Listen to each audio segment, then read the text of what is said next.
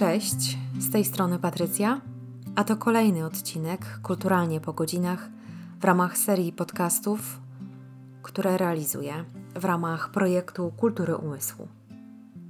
Dzisiejszy odcinek będzie nieco dłuższy, dlatego że chcę Wam opowiedzieć o kuluarach pracy nad projektem.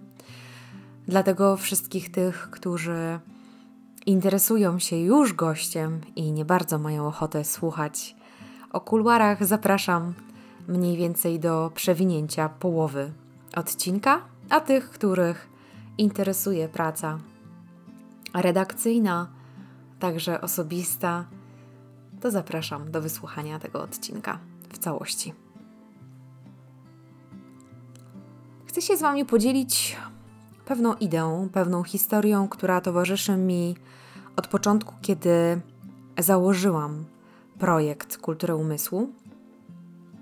W marcu będzie rok, mam nadzieję, że do, doczekamy kolejnego marca. W momencie, kiedy zaczęła się pandemia i zostaliśmy zamknięci w domu, stwierdziłam, że nie jestem w stanie funkcjonować bez kontaktu z ludźmi, bez kontaktu z wyjątkowymi ludźmi. I postanowiłam założyć ruch, założyć portal, założyć stronę, która właśnie będzie zrzeszać tego typu osobistości. I tak też, jak postanowiłam, tak też zrobiłam. Oczywiście przy pomocy osób, które mi towarzyszą do dziś, w tym Jakub, który zajmuje się całą administracją strony, Paweł, który w tym momencie realizuje stronę dźwiękową, czyli zajmuje się podcastami. No właśnie. I stało się tak, że zaczęły pojawiać się regularne wpisy. Zaczęłam od osób, których znam, które bardzo dobrze znam, z nimi nie miałam najmniejszego problemu, jeżeli chodzi o komunikację czy, czy współpracę, bo po prostu się znaliśmy. Ale doszło do momentu, w którym czerpałam po pierwsze polecenia, a po drugie poznawałam też nowe osoby albo sięgałam po tych, których znam na przykład z internetu, a nie jestem ich znajomą na co dzień, można by powiedzieć. I te kontakty mm, niejednokrotnie były dla mnie wyzwaniem, dlatego że w historii kultury umysłu zdarzyło się tak, na szczęście tylko raz, że pracowałam z jedną osobą nad tekstem Niestety te pierwsze, um, pierwszy kontakt jest dosyć intensywny, bo zanim um, pojawią się pytania i zaczniemy rozmawiać już o tekście, no to musimy przejść przez zasady, przez wartości, muszę trochę poznać działalność tej osoby, także ta weryfikacja też jest e, nie lada wyzwaniem i chcę Wam opowiedzieć o historii, w której praktycznie doszłyśmy do finału z osobą, o której teraz opowiadam, ale od samego początku coś nam nie grało. To znaczy, mi nie grało. I z racji tego, że jest to znana osoba i bardzo mm, wysoko postawiona, jeżeli chodzi o działalność medialną, no to na dobra projektu, że tak powiem, naginałam swoje plecy i swoją, można by powiedzieć, osobistą wartość. I na samym końcu, praktycznie już na finale, w momencie, kiedy też już byłam wyczerpana tą sytuacją, postanowiłam, że zrezygnuję z tego wywiadu i nie będę go nadal prowadzić. Zrezygnuję z tego wywiadu i nie opublikuję go. Dlatego, że po drugiej stronie były roszczenia, mm, były przesunięte dosyć mocno granice. Ja, tak jak mówię, dla dobra projektu naginałam dużo swoich osobistych granic, natomiast no, myślałam o czytelnikach, o tych wartościach, które mm, ta osoba miałaby przynieść, aż właśnie pękło. I chcę Wam powiedzieć, że zdarza się, zdarzają się goście, których poznaję dopiero wówczas, kiedy pracujemy nad tekstem, załóżmy, albo pracujemy nad właśnie tak zwanym kodeksem współpracy, który stworzyłam dla dobra projektu, dla utrzymania tych wartości, które, które głoszę.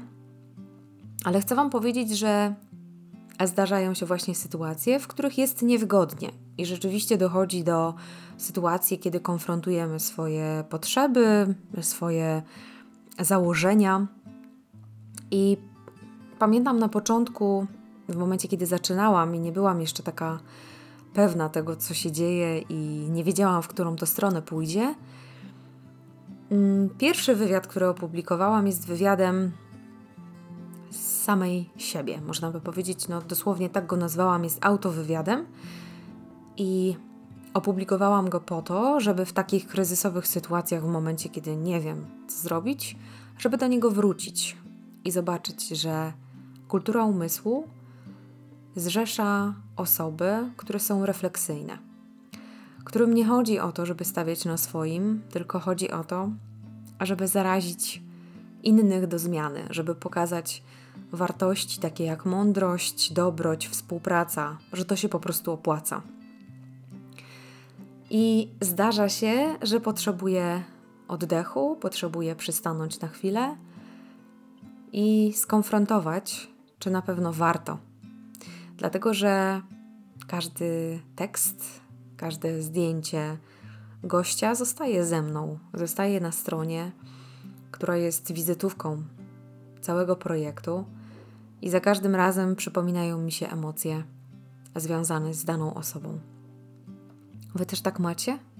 Że spotykacie na swojej drodze ludzi, z którymi jest Wam niewygodnie? To powiem Wam z doświadczenia, że te sytuacje uczą najwięcej. Uczą tego, żeby przystanąć na moment, spojrzeć i zastanowić się, co ta osoba niesie, co przyniosła do Waszego życia co Wam chcę pokazać.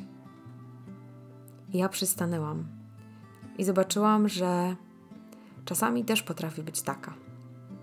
Czasami też potrafię prze przekraczać granice i potrafię być dominująca. To była bardzo pouczająca lekcja i pamiętam o niej do dziś. I teraz lepiej radzę sobie z sytuacjami, ponieważ wiem, jak być przy sobie i jednocześnie zachować projekt.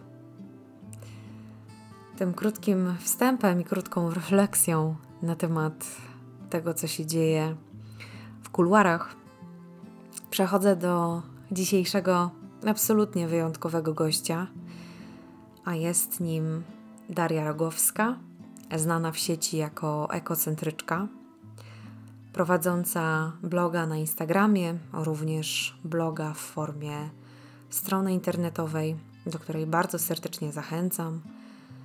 Adres będzie oczywiście podlinkowany w wywiadzie. Darię poznałam kilka lat temu i muszę Wam powiedzieć, że wrażenie zostało niezmienne, ponieważ Daria jest osobą niezwykle skromną, pomimo tego, że jest osobą medialną i wokół siebie zrzesza ludzi, dla których planeta, klimat i cała ekologia jest ważna, Daria wciąż pozostała skromną i delikatną kobietą. Zapraszam do wywiadu, w którym dużo dzieje się wokół klimatu. Rozmawiamy o tym, czy życie zero waste jest modą, czy rzeczywiście ma wpływ i może uratować naszą planetę? A rozmawiamy o tym, dlaczego warto ograniczyć mięso i w imię czego tak naprawdę powalczyć. Zapraszam wszystkich tych, którzy interesują się zdrowym trybem życia, dlatego że Daria jest psychodietetykiem, więc ma absolutne prawo do tego, żeby wypowiadać się w temacie zdrowych jelit. Tym krótkim wstępem zapraszam Was do przeczytania wywiadu, do podzielenia się refleksją. Jak zawsze, nasz wyjątkowy gość jest obecny przy publikacji przez trzy dni więc jeżeli macie ochotę o coś zapytać, podzielić się refleksją lub po prostu podziękować, twórcy, artyście, czy też osobie, z którą jest prowadzony wywiad, za to, że jest i za to, co robi, to jest to naprawdę bardzo dobry moment. Czasami o zwykłe słowo dziękuję znaczy bardzo wiele. Tym krótkim wstępem kończę dzisiejszy odcinek. Mam nadzieję, że był dla Was pomocny i otworzył nowe przestrzenie w Waszych umysłach i sercach. Zapraszam również na kolejny odcinek, na kolejne spotkanie z nietuzinkową osobą, ponieważ będziemy gościć w ramach kultury umysłu wielokrotną mistrzynię świata w kickboxingu, Iwonę Guzowską i poznamy, tak naprawdę poznamy kuluary tego, jak tak aktywny sportowiec, jak ładuje adrenalinę swojemu organizmowi i poznamy kulisy najważniejszej decyzji Iwony Guzowskiej, a właściwie jej autobiograficznej książki, która powstała w ostatnich latach. Zapraszam Was serdecznie już dziś. Tymczasem do usłyszenia, do zobaczenia w komentarzach pod wywiadem Darii. Pozostańcie w kulturze ze swoim umysłem i bądźmy w kontakcie. Pozdrawiam.